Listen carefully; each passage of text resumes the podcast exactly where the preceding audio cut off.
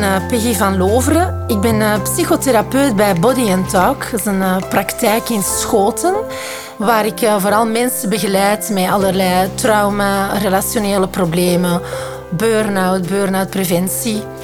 En ik coach ook bedrijven in communicatietrainingen, waarbij ik het model van Insights Discovery gebruik. De psychotherapie doe ik al 18 jaar. Hè? Dus en ik uh, volg geregeld bijscholingen om mij up-to-date te houden naast con-collega's die jaarlijks afstuderen, zal ik maar zeggen. De coaching is gegroeid vanuit de psychotherapie. Dus ik had een tiental jaar geleden kwam ik in contact met mijn eerste burn-outers. En dan uh, heb ik geleerd hoe ik hen het best kan ondersteunen. Ik ben ondertussen ook een erkend burn-out coach geworden. En van daaruit ben ik eigenlijk naar het bedrijfsleven gestapt om aan burn-out preventie te doen waardoor ik nu eigenlijk toch regelmatig ook met het Insights-verhaal communicatietrainingen geef en werk aan een beter welzijn op de werkvloer.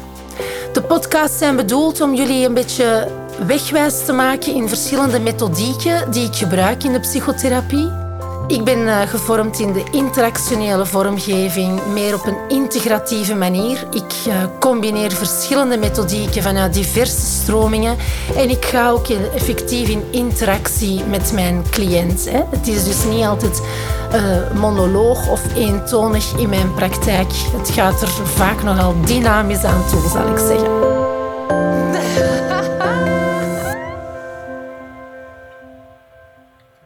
Vandaag gaan we het hebben over een meer transpersoonlijke methodiek binnen de psychotherapie. Ik wil jullie uitleggen wat de functie is van de pijnappelklier en daarbij horende sprookje, waar we nog niet meteen de link hadden gelegd denk ik. De pijnappelklier heeft een functie te midden in onze hypofyse om te zorgen dat onze melatonine aangemaakt wordt, zodat we beter kunnen inslapen. En ook op een andere beurt maakt die weer meer cortisol aan om ons ook weer te wekken. Dus heel de slaapcyclus is heel afhankelijk van de pijnappelklier. Op zich werkt de pijnappelklier ook als een soort zender die jou in staat stelt om jou dus open te stellen naar een ruimer bewustzijn. Een bewustzijn dat via jouw dromen, via jouw intuïtie, meer met jezelf in contact komt. En dan van daaruit kan je handelen op een hoger bewustzijn. Vandaar een transpersoonlijke invalshoek in onze psychotherapie. Nu, het sprookje dat we daaraan linken is Pinocchio. En waarom Pinocchio?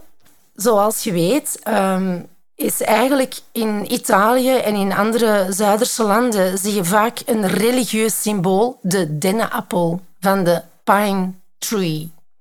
En de dennenappel is eigenlijk een, een zeer spiritueel symbool wat staat en rechtstreeks gericht is naar de pijnappelklier. Niet meer, niet minder. Hm? En dus, voilà, Pinocchio is pin van pine en ochio, het derde oog. Pinocchio is letterlijk het symbool van de pijnappelklier, ons derde oog.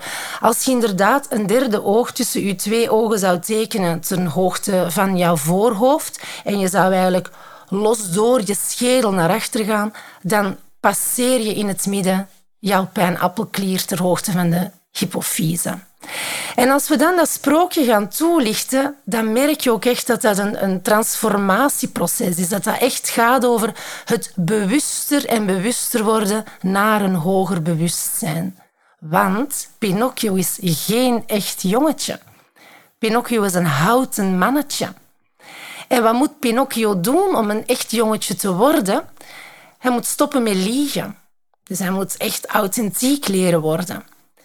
Hij moet zijn goede van zijn slechte vrienden leren onderscheiden.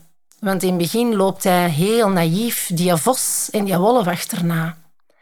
En hij moet zijn geweten leren integreren, want die Jappie Krekel wandelt ook heel de weg met hem mee. En pas wanneer Pinocchio dat allemaal onder de knie krijgt, wordt hij een echt jongetje. Een heel mooi verhaal van een transformatie van onecht zijn naar echt.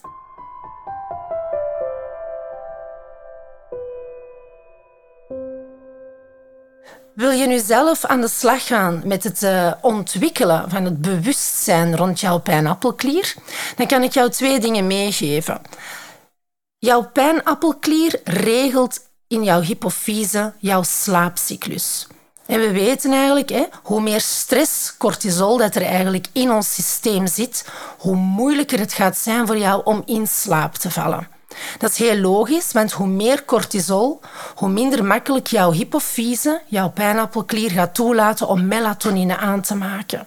We gaan merken dat we niet in een diepe slaap gaan, aangezien dat ons lichaam niet durft slapen, maar eerder in waaktoestand blijft.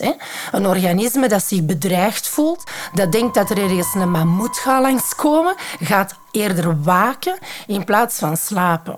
En dat is nefast voor, onze, voor ons herstel, hè, voor ons lichaam of voor mentaal te herstellen. Want wij hebben een diepe slaap nodig om ook op die manier slaaphormoon aan te maken, om op die manier ook te herstellen. En daar is eigenlijk waar onze pijnappelklier, hè, omwille van het, de aanmaak van melatonine om ons in slaap te laten vallen. En ook de aanmaak van een hormoon dat weer de cortisol gaat stimuleren om ons wakker te maken. Daarin reguleert hij eigenlijk onze slaapcyclus en ook het aanzetten tot dromen. Dromen, dat is een bilaterale stimulatie van het lichaam. Tijdens onze remslaap gaan uw ogen naar links en rechts heel snel bewegen. Dus dat is een hele bilaterale stimulatie.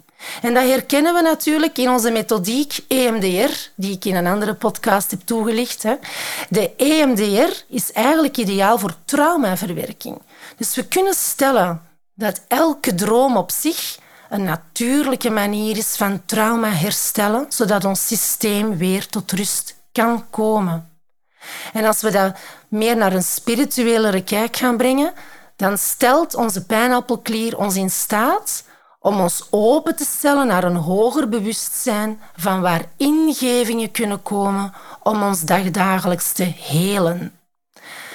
Een tweede invalshoek waarmee we onze pijnappelklier kunnen stimuleren is eigenlijk meditatief. Je kan omwille door yoga, meditatie en ademhalingstechnieken die pijnappelklier heel hard gaan stimuleren, zodat die zich gaat activeren om beter te werken mensen die heel gedreven zijn in meditatie, die zijn zelfs in staat om, om ja, toestanden te ervaren en op die manier ook een ruimere blik te krijgen in zichzelf en op de werkelijkheid. En dat is ook eigenlijk dankzij die pijnappelklier. Bedankt om uh, te luisteren en ik vond het heel fijn dat jullie erbij waren. Geniet nog uh, van jullie dag.